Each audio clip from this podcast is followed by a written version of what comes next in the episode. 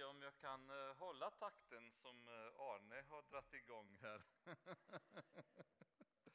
ja, det är ju eh, den som inte tror på Guds ord, Janne, Arne motbeviset i det. Ja, det är, Gud ger vingar till de som blir gamla. Som, han, han, han kör ju fortare än vilken ungdom som helst på pianot i alla fall. Ja, Bibeln är sann, definitivt. Men eh, vi kan öppna till eh, Jeremia, 17 kapitlet och bara be Guds, Guds välsignelse över kvällen. Fader, vi lämnar denna kväll i dina händer, Herre, och ber om din nåd och din vägledning som alltid, att du ska hjälpa våra hjärtan att ta emot ditt ord, på ett sätt som ska ge resultat i mitt hjärta, i allas hjärtan som lyssnar på detta budskap. Vi tackar dig för de rikedomar som ditt ord har i sig begravda och jag ber att du ska hjälpa oss att komma åt en del av dem ikväll så att det blir mat för våra själar, Herre, och en tillväxt i våra liv. I Jesu namn ber vi, Herre. Amen. Då är det Jeremia 17 kapitlet. Eh, och vi kommer ta lite längre tid just i första delen av kapitlet och gå betydligt snabbare genom andra delen så att ni inte blir förskräckta när ni ser att 45 minuter har gått och vi inte kommit så långt. Det blir bättre när vi kommer mot slutet. Ehm, Judas synd är skriven med järnstift. Med diamantspets är den inristad på deras hjärtas tavla och på deras altares horn, liksom man tänker på sina barn, tänker de på sina altaren och sina seror vid gröna träd och på höga kullar. Du mitt berg på fältet, dina ägodelar och alla dina skatter, skatter ska jag lämna till plundring, liksom dina offerhöjder, på grund av synd i hela ditt land. Det är ditt eget fel att du måste avstå från det arv som jag har givit dig. Jag ska låta dig tjäna dina fiender i ett land som du inte känner, ty ni har tänt mitt vredes eld, och för evigt skall den brinna. Um, Gud berättar här igen att det här förbundet som de har brutit, um, det beror på deras synd. Eh, han säger väldigt tydligt till dem att eh, det är på grund av, av er synd som detta kommer ske. Därför att Gud är hela tiden väldigt mån i hans relation med oss, att vi förstår att han följer ehm, ett rättvist mönster, att hans löften är inte kompromissbara, han böjer inte och töjer på sina löften eller sanningar, utan han håller sig väldigt strikt till dem. Och Därför har han argumenterar hela tiden till judarna att det här är på grund av vad ni själva har gjort. Det har jag aldrig velat. Det har aldrig gått i min tanke i början när vi har skrivit ett förbund med varandra. Men det är på grund av att ni älskar era synder så mycket. Ni älskar era altare som era egna barn, säger han i början. Så de var passionerade i hur de tillbad andra gudar eh, och verkligen brann för det. Och det är intressant att se ibland hur människor brinner för, eh, för synd, eh, så mycket mer än vi ibland kristna brinner för Gud. Då. De är verkligen in i det, de är passionerade av det de gör. Tittar man på eh, fotbollsanhängare och så vidare, alltså de är ju beredda att slåss och hugga ihjäl varandra över det lag som de hejar på. Alltså de, de går all in för det, de verkligen brinner för vad de håller på med. Ehm, och det är ju inte helt ovanligt att det är så. Det var lite som med judarna, de hade en, en, en kärlek, en passion för sina altare uppe på offerhöjderna. Och Gud är ju väldigt besviken över detta och säger att ni behandlar de här altarna som era egna barn. Ehm, och det är inte okej, okay, förstås i Guds ögon. Men då säger han att nu kommer jag lämna er till ett land som ni inte känner, till ett folk ni inte känner. Och detta är ett, Eh, om ni kommer ihåg från andra kapitlen, någonting som Gud gång på gång på gång säger att jag lämnar er till ett land som ni inte känner, till ett folk att tillbe gudar som ni inte känner och så vidare. Och anledningen till att det här eh, tror jag sägs så pass många gånger är det faktiskt att ingen annanstans i Judas historia har något liknande inträffat.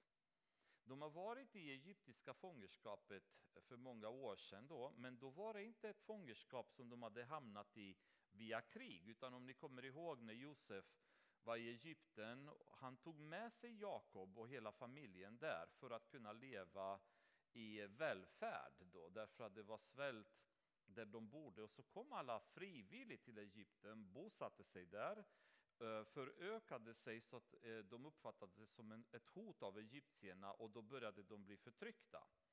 Men aldrig i deras historia har de ehm, varit tvungna att förflyttas som ett folk från det land de bodde i. De har stridit eh, mot egyptierna, mot assyrierna, mot amorierna, mot moabiterna och alla möjliga andra nationer runt omkring. Men då har det varit rena krig som har resulterat i plundring eller förstörelse av olika städer och så vidare. Men aldrig att folket har varit förflyttat från det land de har bott i.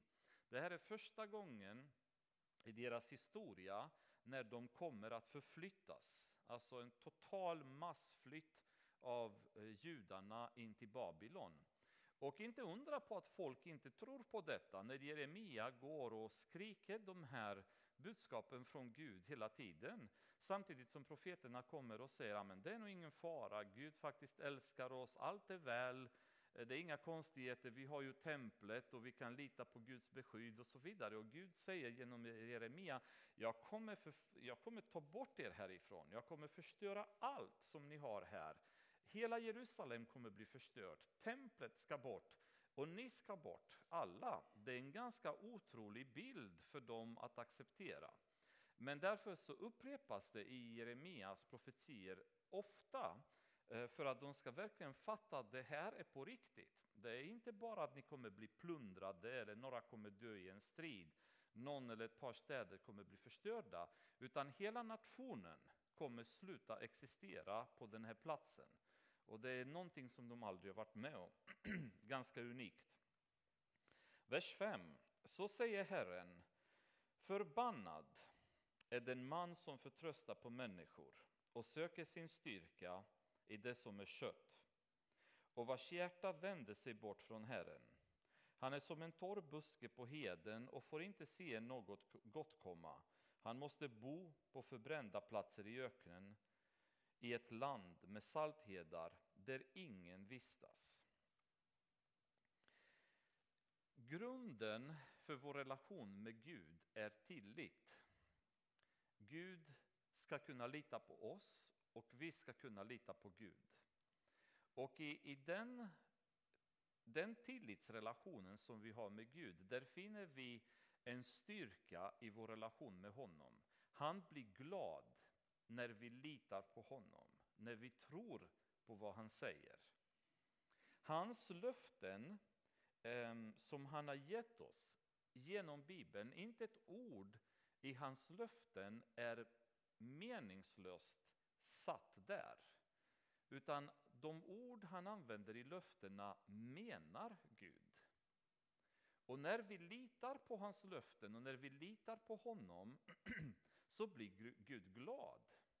För det är ett tecken på att vi verkligen förstår vem han är. För det ögonblicket vi förstår honom och vi litar på honom, då kan vi etablera en god och nära relation med Gud. Och därför är Gud väldigt många gånger i Bibeln väldigt arg eller vred på människor som inte litar på honom. För att, att inte lita på Gud är ett tecken på otro.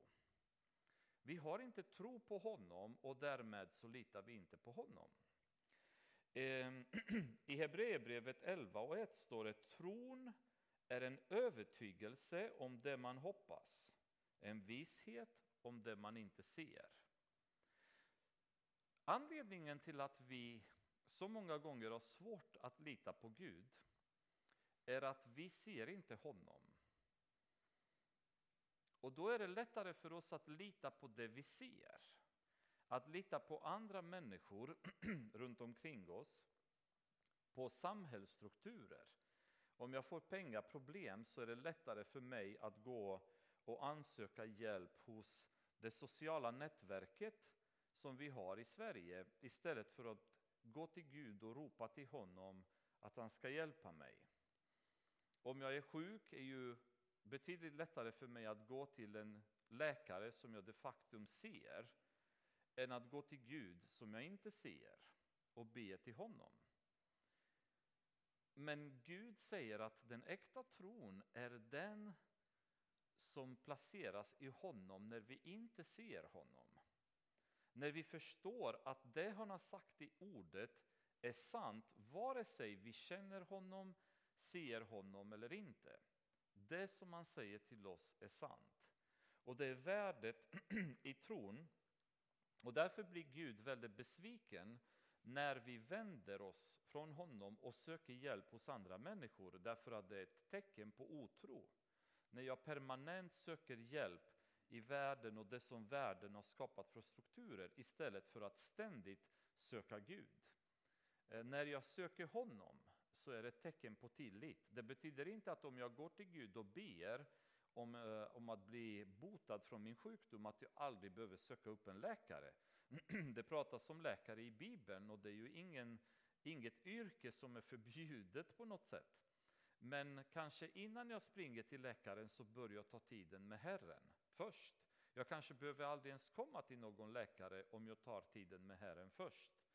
Jag kanske behöver aldrig gå och be någon om pengar eller låna pengar om jag går och ber Gud först om hjälp. Att han ska förse för mina behov och så vidare. Och det är ju, i den här versen så säger Gud, förbannad är den man som förtröstar på människor och söker sin styrka i det som är kött. Man lever under en permanent förbannelse när man söker hjälp hos världen och inte hos Gud. Josua, om ni kommer ihåg, när han stod innan han skulle invadera Jeriko så stod han på natten och han var eh, utanför Jerikos murar mer eller mindre då och eh, bara var för sig själv när han mötte Herrens ängel som stärker Josua då och säger att Gud i princip kommer vara med dem. Och de får budskapet från Gud i, när det gäller eh, så att säga, segern över Jeriko. Hur ska de agera som armé? Ni kommer ihåg att de gick varje dag runt eh, murarna och alla var tysta. Och sen eh, gjorde de upprepade proceduren. Sista dagen så gick de sju gånger, blåste i trumpeterna och alla murarna föll. Då. Och det var en seger utan dess like då. Det var första segern när de kom över Jordan, där Gud visade dem, jag är med er nu. Jag är med er hela vägen. Ni behöver inte ens göra något, bara gör som jag säger, så kommer ni se bara murarna flyga. Och de var ju helt, helt klart euforiska. Gud hade sagt, Jeriko är mitt. De fick inte behålla något utav um, det de hade plundrat i staden, utan allt som de fick, fick gå till Gud. Eh, Gud hade alltid rätt till förstfödde, förstfödde djuret, förstfödde barnet. De tillhörde, tillhörde alltid Gud. Det här var första staden som föll och det var Guds. Och Gud gav, gav ett besked att ingen får röra någonting, allting är hans. Um, men en, eh, en herre som hette Akan, han trodde att han var smartare så han, han gömde ett antal grejer som han hade snott. Lite mantlar och ja, lite fina saker då som han gömde eh, i sitt tält. Då. Eh, och detta kom inte fram eh, bland folket. Nästa stad de skulle anfalla är Ai. Och Josua skickar några spejare dit de spionerar staden, kommer tillbaka och säger Josua, det här är en baggis. Det är bara några enstaka människor där. Hela armén behöver inte ens gå, utan ge oss bara några hundra så tar vi staden utan problem. Då. Den här gången så söker inte Josua Gud längre, utan nu förlitar han sig på det råd han får från människorna som han hade skickat som spejare. Och säger bara det är grönt, kör på. Och de åker på stryk så det skriker om. De, de kommer desperat tillbaka. Josua slänger sig på marken inför Gud och börjar ropa. Vad är detta Herre? Liksom, varför? Ska alla skratta åt oss nu? Har du tagit oss hela vägen hit för att vi ska dö här? Och hela den harangen som de alltid ropar till Gud när det inte går bra för dem och som vi också gör när det inte går bra för oss. Så börjar vi skrika och gapa och gråta och tycka det är så jobbigt. Och Gud säger, men vänta lite Josua, det är ju synd bland er. Va? De hade inte frågat Gud den här gången. Hade de gått till Gud igen och förlitat sig på Gud istället på egna underrättelser som spejarna hade levererat och egna arroganta makt att det spelar ingen roll, de är så få, vi är så många, vi krossar dem. För det handlar inte om antal, det handlar om är Gud med dig eller är Gud inte med dig? Det är det enda det handlar om. Och i det här fallet var Gud inte med dem och ett litet fåtal stadsbor spöade hela den armén som Josua hade skickat mot Ai. Därför att det fanns synd. Hade de sökt Gud tidigare hade Gud kunnat säga Josua, ni har ett problem, ni måste reda ut det först. Sen ska ni göra så och så och så. De får tag på Akan, de dödar honom. Sen säger Gud till dem, nu får ni göra så här. Ni går och ligger i ett bakhåll och så vidare, så ska jag ge staden i era händer. Busenkelt. Och det händer precis så som Gud säger. Men första gången så söker de inte Gud. Utan de, de, nu, nu har Gud hjälpt oss i Jeriko. Tack så mycket för det, här. Härifrån så tar vi över och går i egen kraft och litar på varandra. I andra krönikeboken så har vi en annan herre som heter Asa, som var också kung eh, i Juda. Och Asa, till skillnad från många andra, så står det i början att han, han var en kung som gjorde det som var gott i Herrens ögon, vilket är ganska ovanligt på den tiden. Det var nästan regel det motsatta. Så han eh, inför jättemånga bra reformer i Juda, ehm, förstärker städer, landet börjar blomstra ganska så bra kan man säga under hans eh, regeringsstyre. Men som alltid så blir det ju oro och krig. Och då var det en herre, vi vet inte om han var kung eller general, det bara står att det var Sera från Etiopien som anfaller med en armé på cirka en miljon man. Och det var en enorm armé då som närmade sig Juda och Asa han går i strid för att möta honom. Ehm, vi får inte fram hur många soldater han hade under sin, sitt styre, men generellt sett så vet vi oftast att israeliterna var alltid i underläge. Det var en väldigt liten nation, väldigt litet folk. De hade alltid svårt att samla de här enorma arméerna. Så min gissning är att de låg i rejält underläge i och med att det var en miljon man som kom mot dem.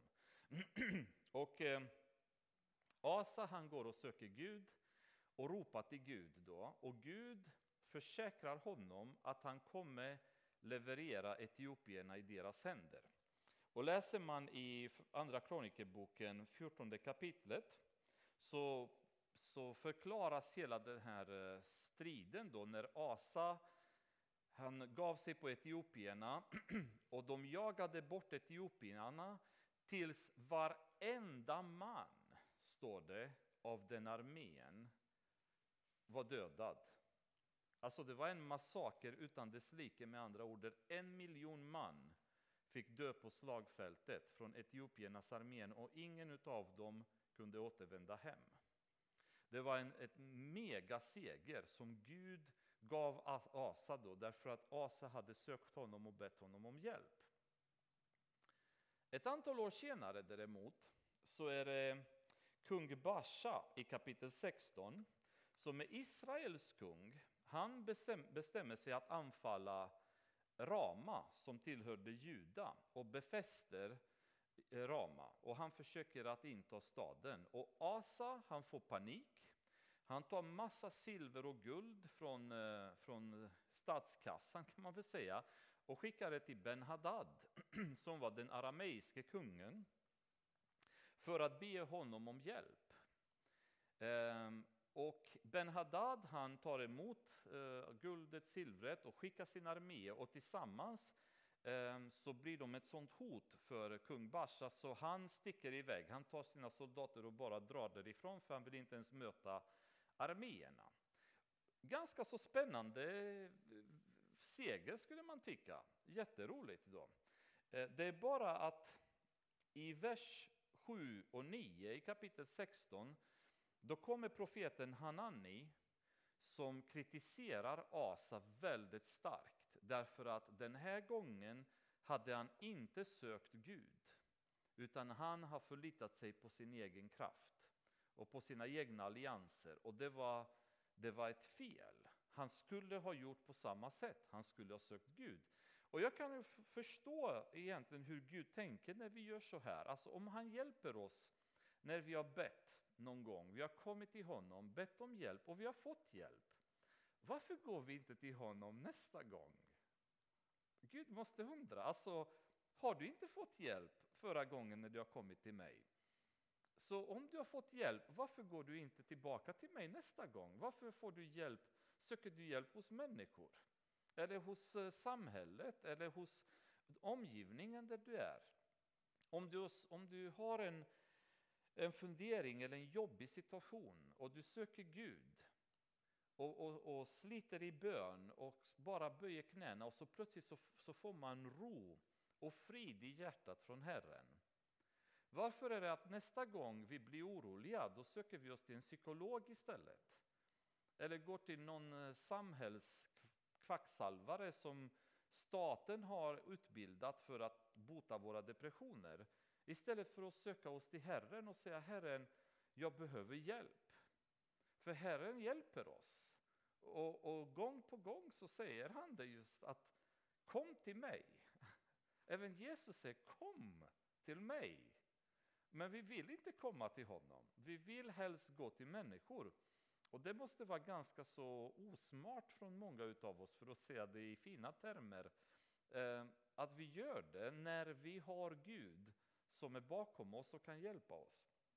Och han får ju väldig kritik och detta leder till att Asa i princip spårar ur på slutet av sitt liv. Han blir väldigt irriterad på Hanani, han ger sig på honom och så, så påbörjar han en slags förföljelsekampanj där han ger sig på många andra i sitt land och börjar förfölja sitt eget folk. Då. Um, jättesynd och jättedumt när han kunde mycket väl ha gjort exakt samma sak, gå och söka Gud för att kunna få hjälp. I Domarboken, sjunde kapitlet, så har vi en an, ett annat scenario då ehm, midjaniterna de plågade väldigt mycket eh, Israel på den tiden. Varenda gång israeliterna var på väg att skörda någonting, då kom midjaniterna och tog deras skördar. Så de levde under permanent förtryck från midjaniterna. Folket ropade, de, var ju, eh, de, eh, de tyckte inte om det här läget, det var en jobbig situation för nationen. Och Gud kallar Gideon, eh, som vars syfte är att han ska nyttja Gideon nu för att kunna befria landet från midjaniterna. Och Gud kallar Gideon och i princip eh, genom ett antal olika moment som de går igenom så, så ska Gideon resa upp en armé människor med vilket de ska strida. Och han får ihop ungefär 30 000 soldater. Med de här 30 000 människorna så ska de möta en armé som beskrivs vara som gräshoppor. Eh, och det var en, en koalition kan man väl säga av eh, midjaniter, amalekiter och det de kallas för österlänningarnas armé. Kapitel 7, vers 12. Talrika som gräshoppor och deras kameler var som sanden på havets stränder. Ehm, och det, det, får vi en bild av vilken enorm armé som de hade fått ihop. Mot den här armén så får Gideon 30 000 soldater de ska kämpa mot.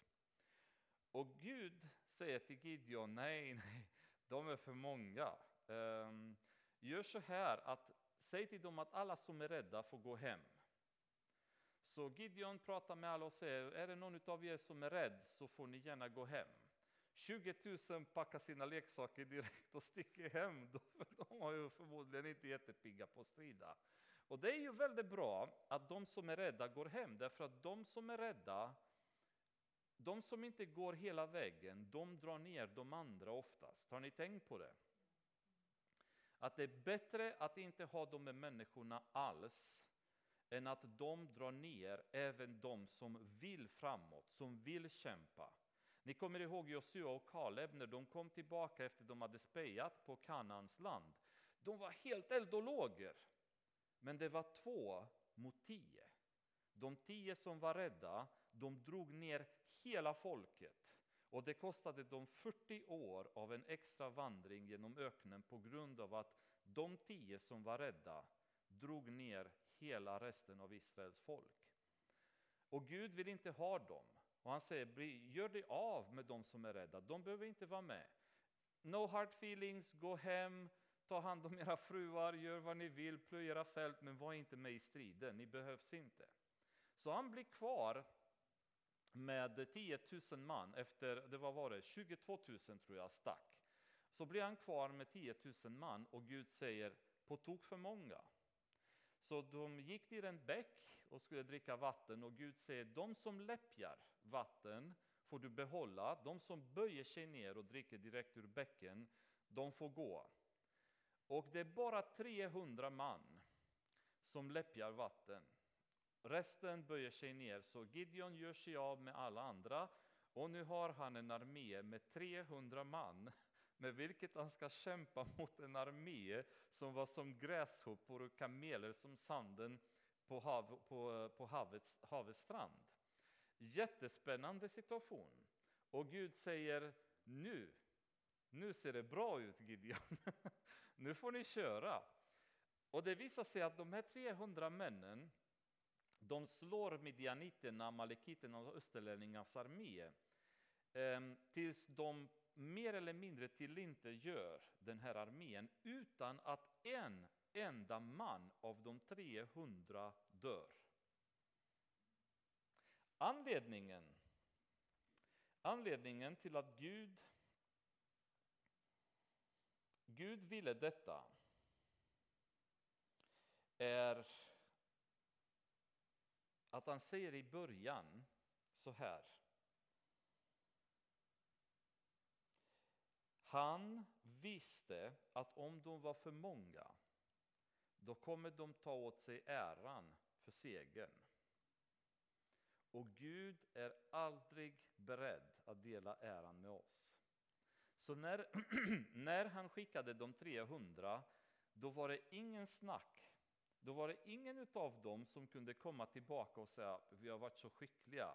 Vi, har varit så, vi skjuter bågar så mycket bättre än de andra och vi slåss med svärd så mycket bättre än dem. Så vi har lyckats besegra denna talrika armé. Utan då kom tillbaka allihopa och sa Herren var med oss. Herren levererade dem i våra händer och tack vare det så vann vi. Um, Gud kan inte använda oss när det finns någon som helst risk att vi tar åt oss äran och inte han får det. Har ni tänkt på varför många gånger vi kristna oftast är i minoritet i sammanhang där vi befinner oss i? Det finns eh, alltså i skolor, kristna elever, de är alltid en, två, kanske tre i en klass. De är alltid i stark minoritet. Därför att det är från det tillfället fram då Gud kan faktiskt använda dem som är i klassen. När de två som är i en klass på 30 eller 20 eller vad de nu är i olika storlekar istället ser att oj, hur ska vi kunna klara detta? Och de börjar gå hem och börjar be till Gud och ber och kämpar. Då börjar Gud göra mirakel i deras klass eller på de arbetsplatser man befinner sig eller i de sammanhang man är och det börjar bli resultat. Men då vet vi att det är på grund av att Herren har varit med oss. För vi hade inte haft en chans annars. Vi pratar om väckelse i stöpen till exempel och jag personligen upplever stöpen som ett väldigt hårt samhälle att komma in i. Det är människor som har det väldigt bra finansiellt, de lever gott, de är väldigt preockuperade av medelklass Svensson-liv skulle jag vilja säga.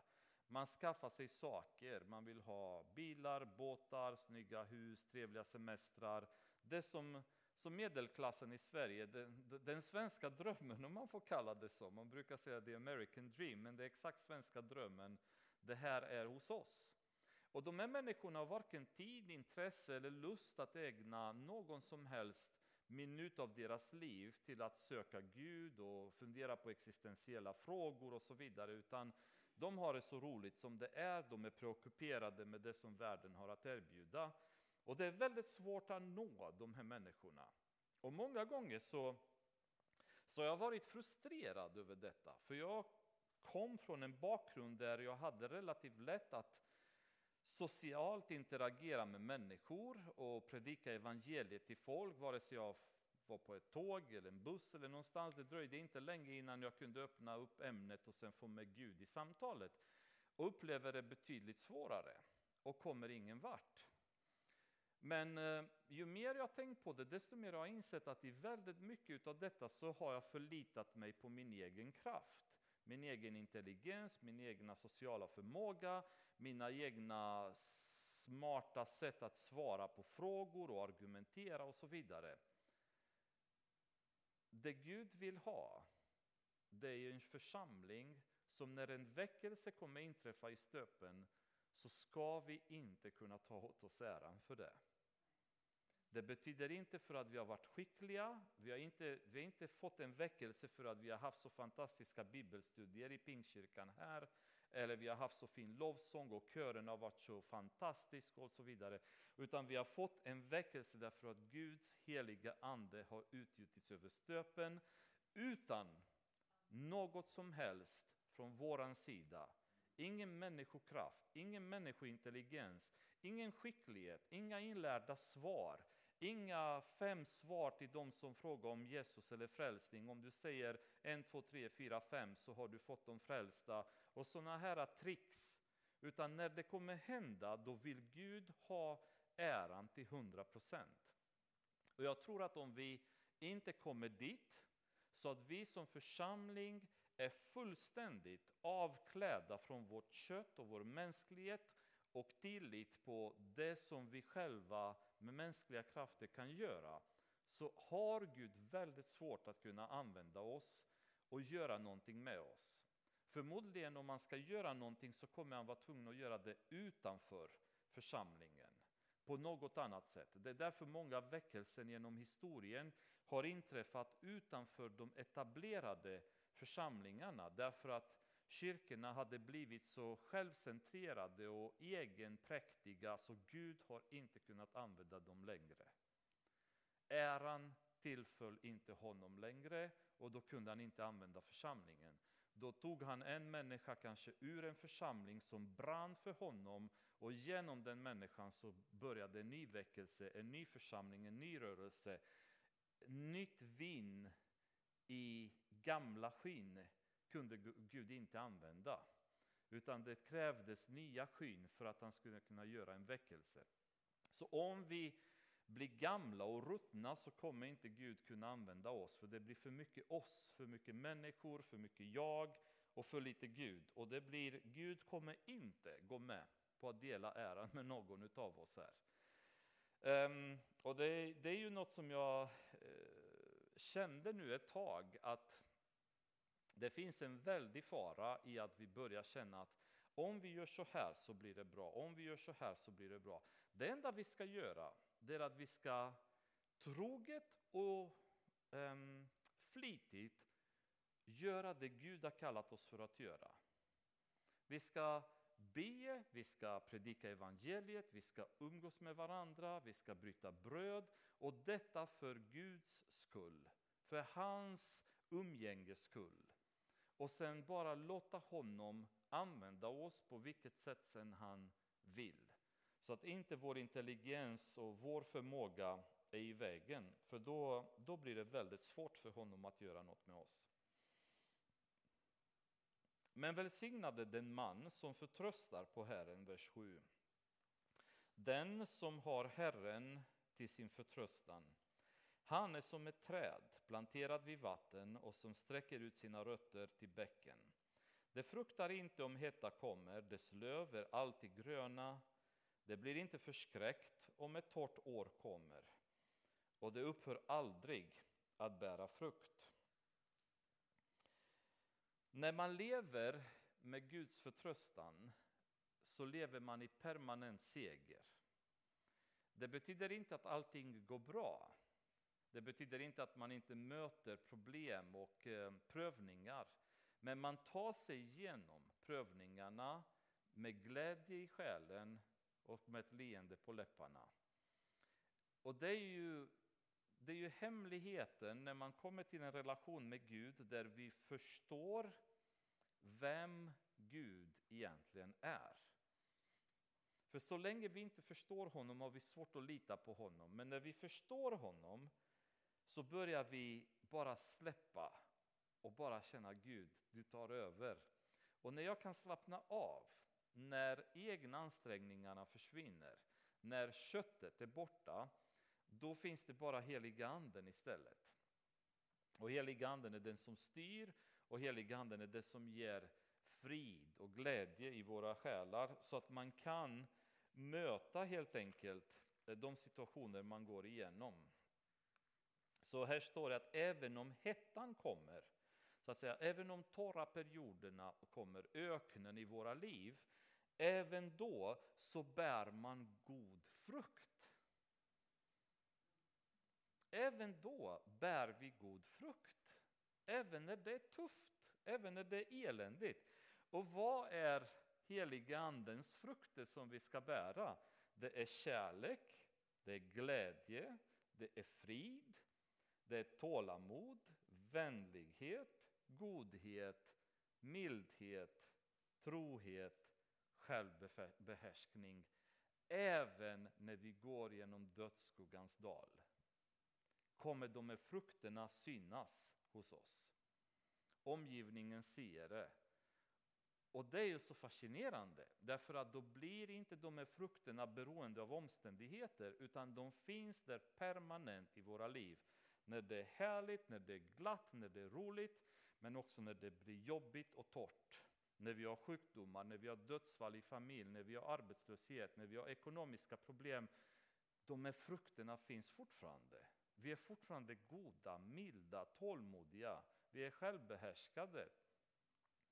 Det är helt fantastiskt att möta sådana människor som är så fulla av Guds heliga ande så trädet är hela tiden full av goda frukter. De bara sprider gott runt omkring sig oavsett vilken situation i livet de befinner sig i. Vers 9. Bedrägligare än allt annat är hjärtat. Det är obotligt sjukt. Vem kan förstå det? Jag tror att det är ju en av de mest chockerande upplevelserna vi som människor kan ha. Det är att vi se, det om vi ser vad som finns i vårt hjärta.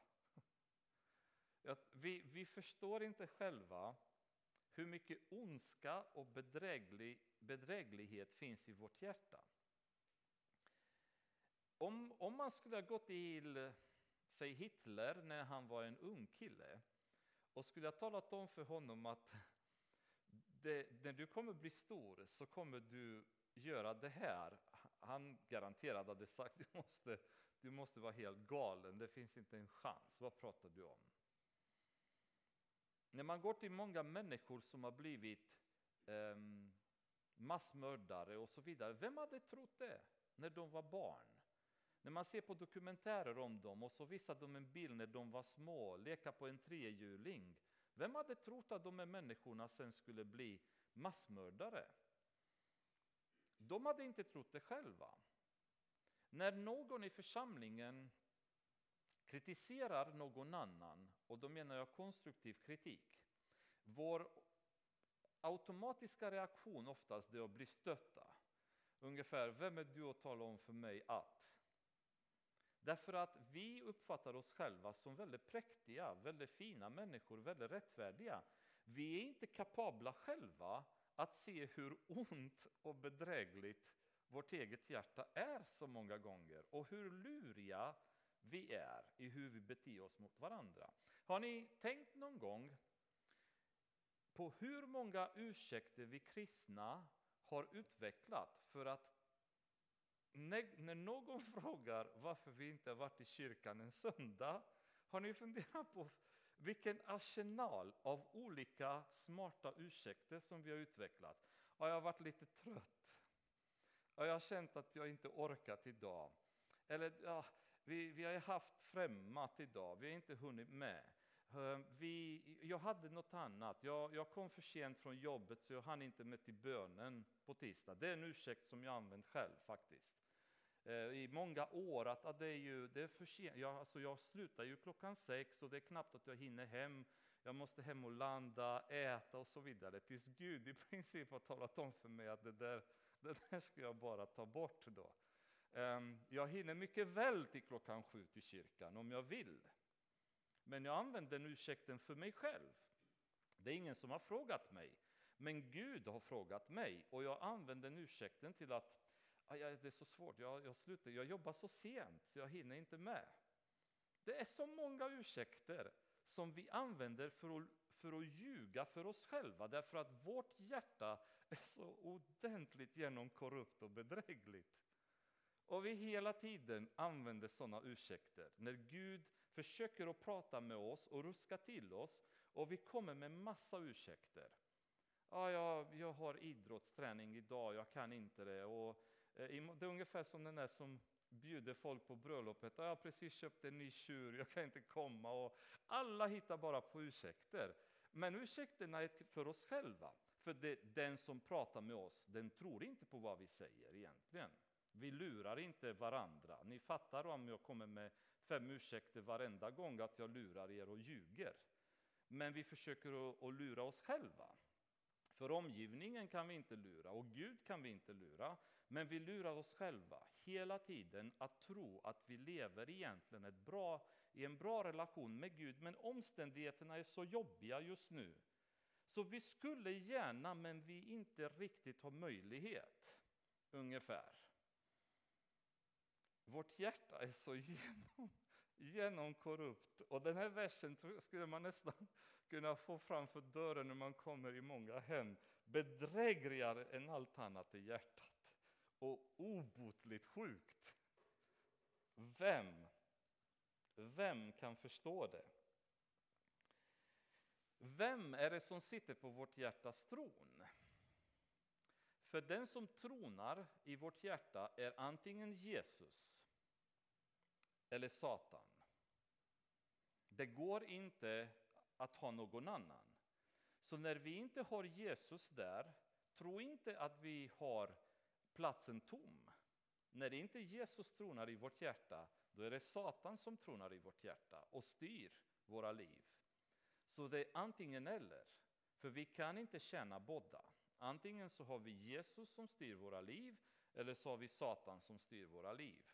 Vem är det som har tagit tag i vårt hjärta och styr vårt hjärta? Så att vi kommer från det här läget av bedrägligt och obotligt sjukt till att komma till ett heligt och rent hjärta. Hur kan vi komma därifrån så att vårt hjärta egentligen blir rent? För det är så mycket sådana här bedrägligheter som vi använder eh, med varandra. Och vi ska bara gå igenom flera av dem som Jesus tar upp. Och det är Matteus evangeliet sjätte kapitlet kan vi öppna till. Han tar upp flera sammanhang där som vi kommer läsa. Och vi kan börja med, med hur folk försöker att, ehm, att bete sig när det gäller goda gärningar. Då. Sjätte kapitlet, vers 1. Akta er för att utföra goda gärningar för att människor ska se er. Då får ni ingen lön hos er fader i himlen. När du ger en gåva, blås inte då i, i trumpet för dig som hycklarna gör i synagogorna och på gatorna för att människor ska berömma dem. Amen, säger jag er, de har fått ut sin lön. Nej, när du ger en gåva, låt inte din vänstra hand veta vad den, gör, vad den högra gör, så att din gåva ges i det fördolda. Då ska din fader som ser i det fördolda belöna dig. Om vi läser vidare, Eh, 5, vers 5, det handlar om hur vi ber. När ni ber ska ni inte vara som hycklarna. De älskar att stå och be i synagogorna och i gathörnen för att synas som människor. Amen säger jag er, de har fått ut sin lön. Nej, när du ber, gå in i din kammare och stäng din dörr och be till din fader i det fördolda. Då ska din fader som ser i det fördolda belöna dig. Och när ni ber ska ni inte rabbla långa böner som hedningarna. De menar att de ska bli bönhörda för sina många ords skull. Var inte som dem. Er fader vet vad ni behöver innan ni ber honom om det. Och sen vers 16. När ni fastar, se inte så dystra ut som hycklarna. De vanställer sina ansikten för att visa människor att de fastar. Amen, säger jag er, de har fått ut sin lön. Nej, när du fastar, smör ditt huvud och tvätta ditt ansikte så att människor inte ser att du fastar, utan endast din fader som är i det fördolda. Då ska din fader som ser i det fördolda belöna dig. Och det är ju, ehm, det är ju tre tillfällen där i princip vad Jesus säger, var ärliga i ert hjärta. Låt ert hjärta vara ärligt. För det handlar inte om vad ni gör, det handlar om varför ni gör det. Det är vad Gud hela tiden säger till judarna i Jeremia, att ni går till templet på söndagarna, men ert hjärta är korrupt. Så att ni går till templet, att ni offrar, att ni fastar, att ni ber betyder ingenting för mig därför att ni gör det ur ett korrupt hjärta. Men gör istället det ni gör ur ett rent hjärta, då finns det ett värde i det ni gör. Och det är ju det svåra för oss att analysera och förstå våra hjärtas motiv. För vi är så bedrägliga även gentemot oss själva. Så vi ljuger för oss själva hela tiden till en sån nivå där vi har förfinat lögnen så vi inte upptäcker det. Vi har väldigt svårt att kunna se vad vi håller på med. För att det är ju så här att när vi kommer leva ett liv med ett gott hjärta så har vi de här frukterna som börjar, blom, eller börjar mogna i våra liv. I kapitel 7 Matteus evangeliet så säger Jesus vers 16 På deras frukt ska ni känna igen dem. Inte plockar man väl vindruvor från törnbuskar eller fikon från tistlar. Människor som tjänar Gud på riktigt, de börjar bära frukt. Och vad är det för frukter de bär? De kommer ha stora församlingar, eller hur?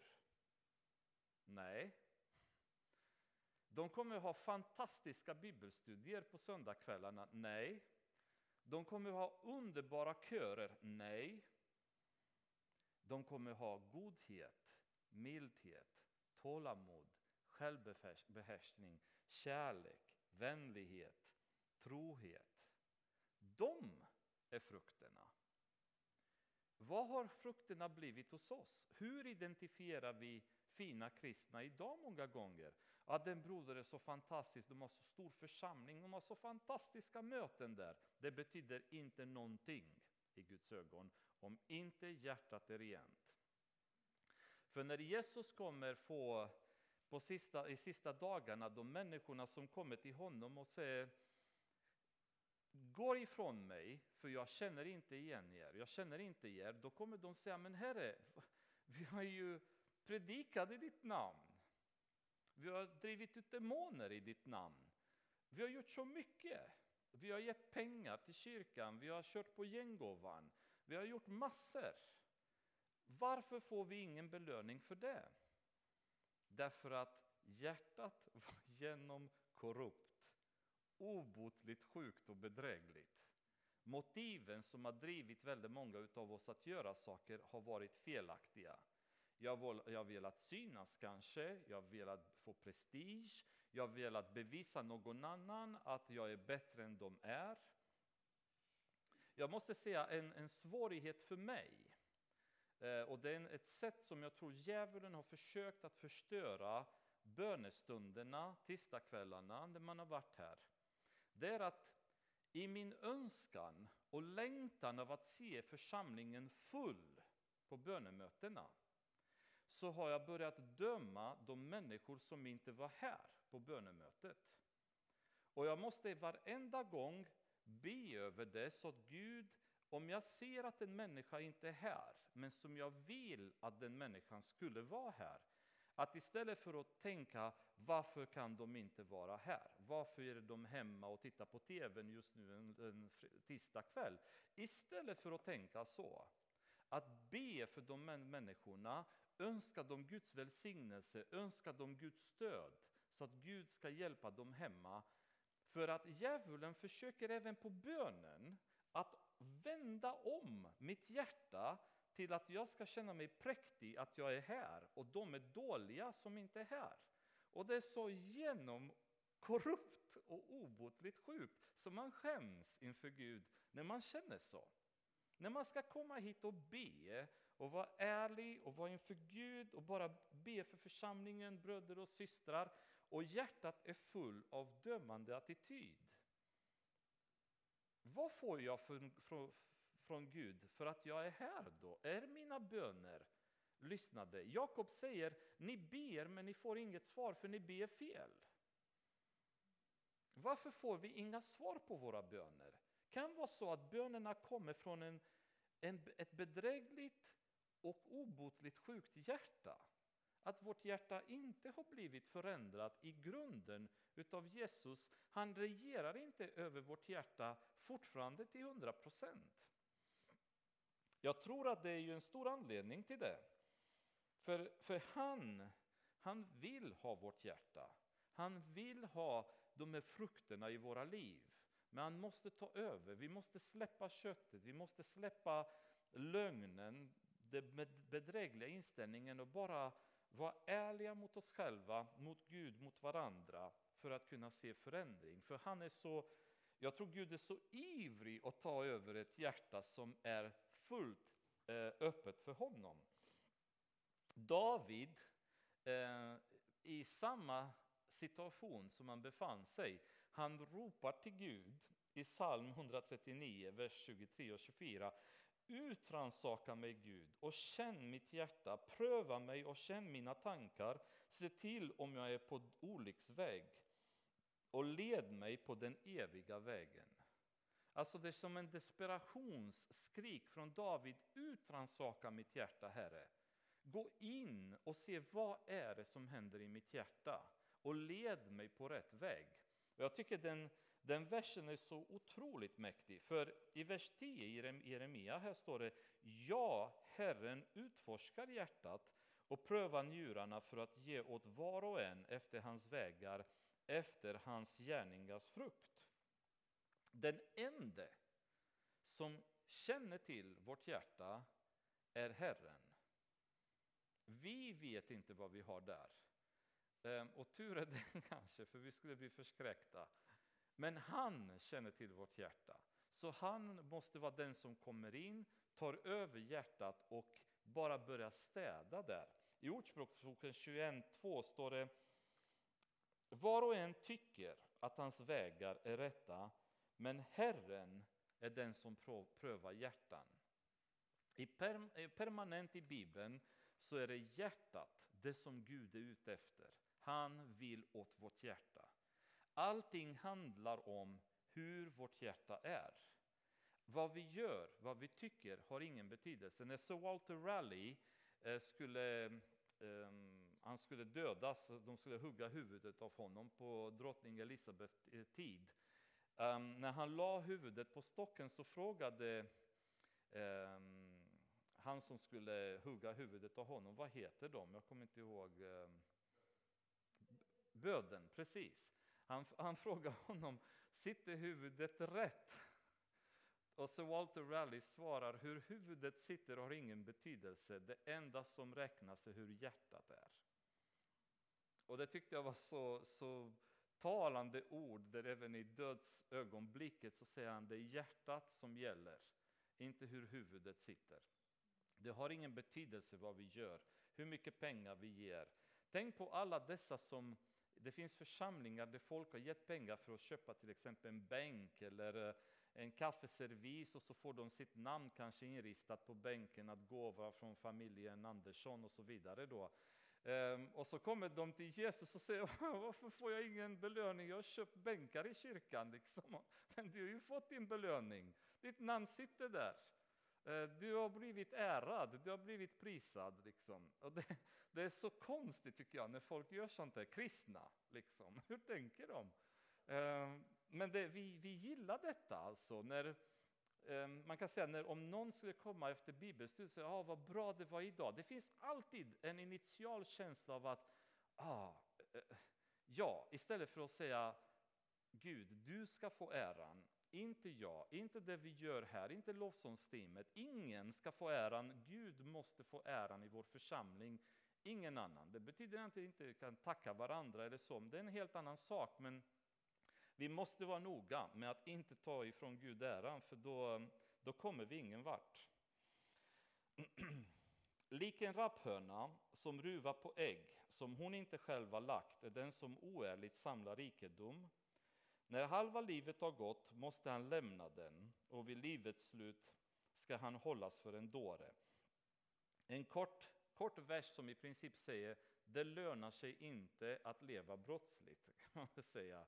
Att skaffa sig rikedomar oärligt kommer leda till att du kommer förlora dem och du kommer lida på grund av dem. Med all sannolikhet här på jorden, eh, definitivt i himlen, så kommer du inte få någonting för det. Ehm, en härlighetstron, en urgammal höjd, är vår helgedomsplats. Herren är Israels hopp. Alla som överger dig kommer på skam. De som avfaller från mig liknar en skrift i sanden. De har övergivit Herren, källan med det levande vattnet. Just den här versen tycker jag det är en av de vackraste poetiska beskrivningar av hur fåfäng en människa utan Gud är. De liknar en skrift i sanden. Alltså hur lång tid tar det när man är på stranden och så skriver, gör hjärtan och allt möjligt och så bara kommer en våg, puff, allting är borta direkt. Det är vad vi är utan Gud. En skrift i sanden, ett litet ögonblick av kändisskap, ett litet ögonblick av att någon känner till oss och sen är vi borta. Richard Wurmbrand, jag vet inte om ni har läst hans böcker, han har ett antal böcker om dagliga berättelser och så. Han kom till tro på Jesus, han var en ehm, en eh, jude ursprungligen och var präst tror jag i om det var någon luthersk församling eller något sånt, men han var egentligen inte på nytt född. Och så gick han i, nej, han var jude från början, han var nog inte präst alls tror jag. Men eh, han gick i en, en kyrkogård en vinter och såg hur snön hade lagt sig över gravarna.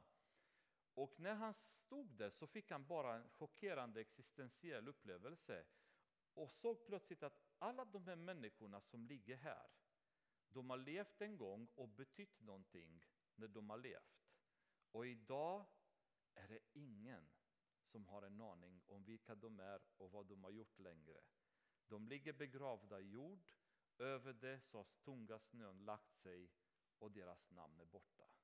Och då fick han en sån existentiell ångest över sitt liv så han gav sitt liv till Jesus och blev frälst och blev en väldigt stark och brinnande kristen. När han förstod att det är bara en skrift i sanden. Du betyder ingenting i evighetsperspektiv. Du tror att du är någon, du tror att du är viktig. Du är inget. Det enda som ger oss värde, det är Jesus. Det heliga andens stämpel i våra liv. Den går inte att sopa bort av en våg från havet. Det sitter för evigt. När Jesus stämplar oss med hans sigill då sitter det fast. Det är det som ger oss en identitet, det är det som ger oss en evighetsvikt då inför Gud. Hela mig Herre. Nu börjar Jeremia igen gå till sin vanliga, sitt vanliga problem. Han är besviken, han är bedrövad över alla människor som förföljer honom hela tiden på grund av att han, han levererar Guds budskap till nationen. Hela mig, Herre, så blir jag helad. Fräls mig, så blir jag frälst. Ty du är min lovsång. Se, de säger till mig, vad blir det av Herrens ord? Låt det inträffa. Så folk hela tiden hånar honom och du säger, du profeterar hela tiden, men det hände ingenting. Dina profetier kommer inte till liv. Eh, de tar Guds tålamod för en svaghet eller för de tror att Jeremia överdriver en lögnare. Eh, och de, de hånar honom hela tiden. Och Petrus, eller eh, jag tror det är Petrus som säger i sista tiden, eller Paulus, jag kommer inte exakt ihåg vilken, i sista tiden så kommer folk säga när kommer Jesus? Ni bara säger han kommer, han kommer, när kommer han? Eh, och det är precis det som händer. De kallar oss för domedagsprofeter när vi talar om för folk att världen kommer att gå under. Nej, det går inte under. Vi har tagit oss igenom svårigheter förut och människans kreativitet är så enorm. Vi kan besegra alla situationer vi hamnar i. Så vi ser ut som dårar som hela tiden talar om för människor att det kommer ta ett slut och Jesus kommer tillbaka och jorden kommer att brinna. Ho, ho, ho, skrattar de bara. Det har de sagt för 2000 år sedan och inget har hänt då. Och Jeremia är precis i den situationen. De bara skrattar och hånar honom. Jag har inte dragit mig undan från att vara en herde som följer dig och fördärvets dag har jag inte längtat efter. Du vet själv att det som kom över mina läppar sades inför ditt ansikte. Jag har liksom varit trogen med ditt budskap, säger Jeremia. Det du har sagt till mig, det du har sagt till dem. Jag har inte avvikit från det. Bli inte till skräck för mig, du är ju min tillflykt på den onda dagen.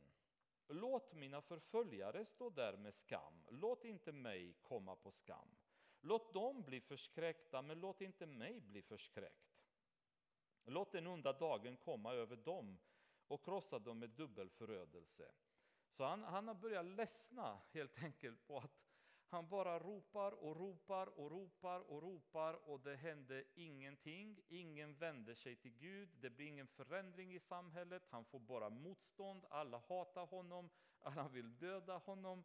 Och stundtals genom Jeremia-boken så kommer vi möta honom i de här, när han bara liksom bara, men snälla Herre, gör något, för jag orkar inte med de här människorna mer.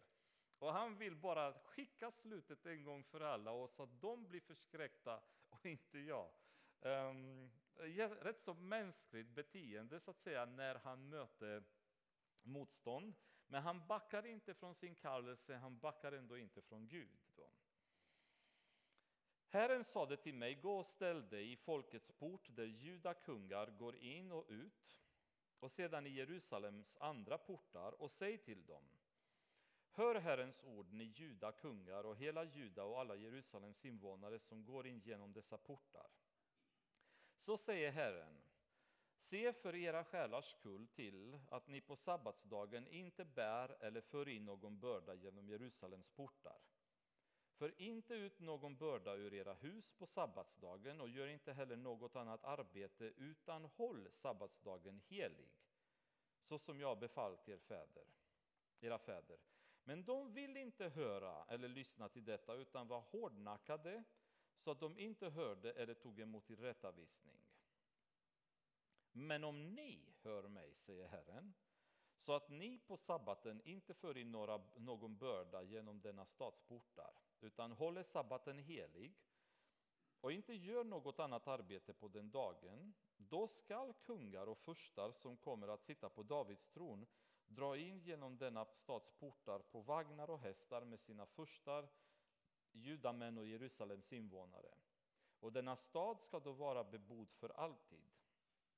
Från Judas städer, från trakten kring Jerusalem, från Benjamins land, från låglandet, bergsbygden och Negev ska man komma och bära fram brännoffer, slaktoffer, matoffer och rökelse samt gemenskapsoffer till Herrens hus. Men om ni inte hör mitt bud att hålla sabbaten helig och att inte bära någon börda in genom Jerusalems portar på sabbatsdagen, då ska jag tända en eld i dess portar och den elden ska förtära Jerusalems plats, palats. Den elden ska inte släckas. Och det är ju sista avslutande i kapitel 17 där um, i princip vad Gud säger det är ju att sabbats, sabbatsdagen eller brottet mot sabbatsdagen är en orsak också till hans vrede. Och ni kommer ihåg när vi började gå tillbaka in i Jeremia och även i Daniel så pratade vi om varför Gud tillät den babyloniska fångenskapen och en anledning var bland annat att de bröt mot sabbaten. De hade förvandlat sabbaten till en dag som vilken annan, där de arbetade och gjorde affärer och bar bördor och så vidare, samtidigt som det var förbjudet att göra det. Och sabbatsdagen ansågs vara helig och de fick inte bryta mot det, men de brydde sig inte längre. Um, ihop med avgudadyrkan och allt annat så hade det blivit att Guds heliga dag hade trampats under deras fötter då kan man säga. Um, och då stannar vi här. Uh, nästa gång så kommer vi uh, prata om krukmakaren. Ganska spännande kapitel återigen. Ehm, och det blir, det blir så många nyanser som Gud använder när han pratar med, med judarna genom Jeremia. Och ni ser ju själva när man går igenom kapitel för kapitel vad många ämnen egentligen som Gud har begravat som man tror att amen, det är ju bara ett vanligt kapitel men i, i ett sådant kapitel så kan vi hitta allt ifrån människans hjärta till hur man inte litar på andra människor till sabbat. Alltså det är fantastiskt när man går ord för ord, vers för vers genom Bibeln för det, då missar man inget som Gud har lagt där. Och ehm, kapitel 18 och kanske 19 om vi ska plöja dem tillsammans, vi får se nästa gång. Det är också väldigt spännande i, när Gud börjar förklara för Jeremia hur han tänker om folket. Då. Men eh, jag hoppas i alla fall idag att, eh, att ni går härifrån med en längtan efter att göra rent i våra hjärtan. Att verkligen eh, ta tag i det och låta Gud komma in och ropa som David eh, Ransaka oss Herre, få bort det som är skräp, få bort det som är kött, det som är min, mitt, min personlighet, mina tankar, mina idéer, mina planer och ersätta dem med hans planer. Då. Det kräver en del ödmjukhet från oss um, och kanske en beslutsamhet att inte ge upp, för det kommer inte ske över natt kanske, utan det blir ett långt arbete när Herren ska in och börja dra gamla rötter som är ordentligt befästa i våra hjärtan då, som behöver bort. Men jag tror verkligen att när Gud får människor vars hjärta är um, helt och hållet um, i hans händer. Det säger vidare om vi läser om kung Asa sen, att Gud letar kors och tvärs över hela landet efter en människa vars hjärta är fullt givet för honom. Jag, jag, kan inte riktigt citera exakt hur det är. Jag sa till barnen, jag har lite svårt att citera verser för först har jag lärt mig vers, bibelverser på rumänska, sen har jag fått lära mig dem på engelska, nu måste jag lära mig dem på svenska. Så när jag ska citera en vers så blir det en blandning av massa översättningar i mitt huvud. Men i alla fall, så poängen är att Gud letar efter de människor vars hjärta är helt och hållet överlämnat i hans händer för att han ska kunna använda oss. Är det inte det så har han svårt att göra det. Herre, vi tackar dig för ikväll och ber att du ska verkligen ta över våra hjärtan, eh, eliminera Fader allting därifrån som inte behagar dig, allt som är korrupt, ont och sjukt, Herre, som är bedrägligt.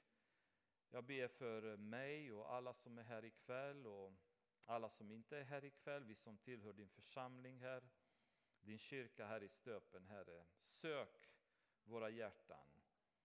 Herre, låt eh, inga hjärtan fortsätta på den här vägen, utan verkligen, verkligen ber jag, Herre, i Jesu namn, att du tar över våra hjärtan och förändrar dem. Så att goda frukter börjar komma fram, Herre. Vi vill, vi vill ha de här heligandens frukterna, Herre. Vi ser själva vad underbart det är när man möter en människa vars hjärta är i dina händer, där vi ser godhet och tålamod och självbehärskning och trohet och mildhet, Herre. Alla dessa gåvor som, som kommer fram. Vi, vi, vi dras till sådana människor. Vi vill ta, vi vill smaka på de frukterna själva. Jag ber att vi ska vara sådana gentemot varandra, gentemot andra människor som inte känner dig Jesus. att när de ser oss, då ska, de, då ska de vilja sträcka ut sina händer och plocka frukter och smaka också själva och se att Herren är god när de smakar. Fader, i Jesu namn ber jag det. Amen.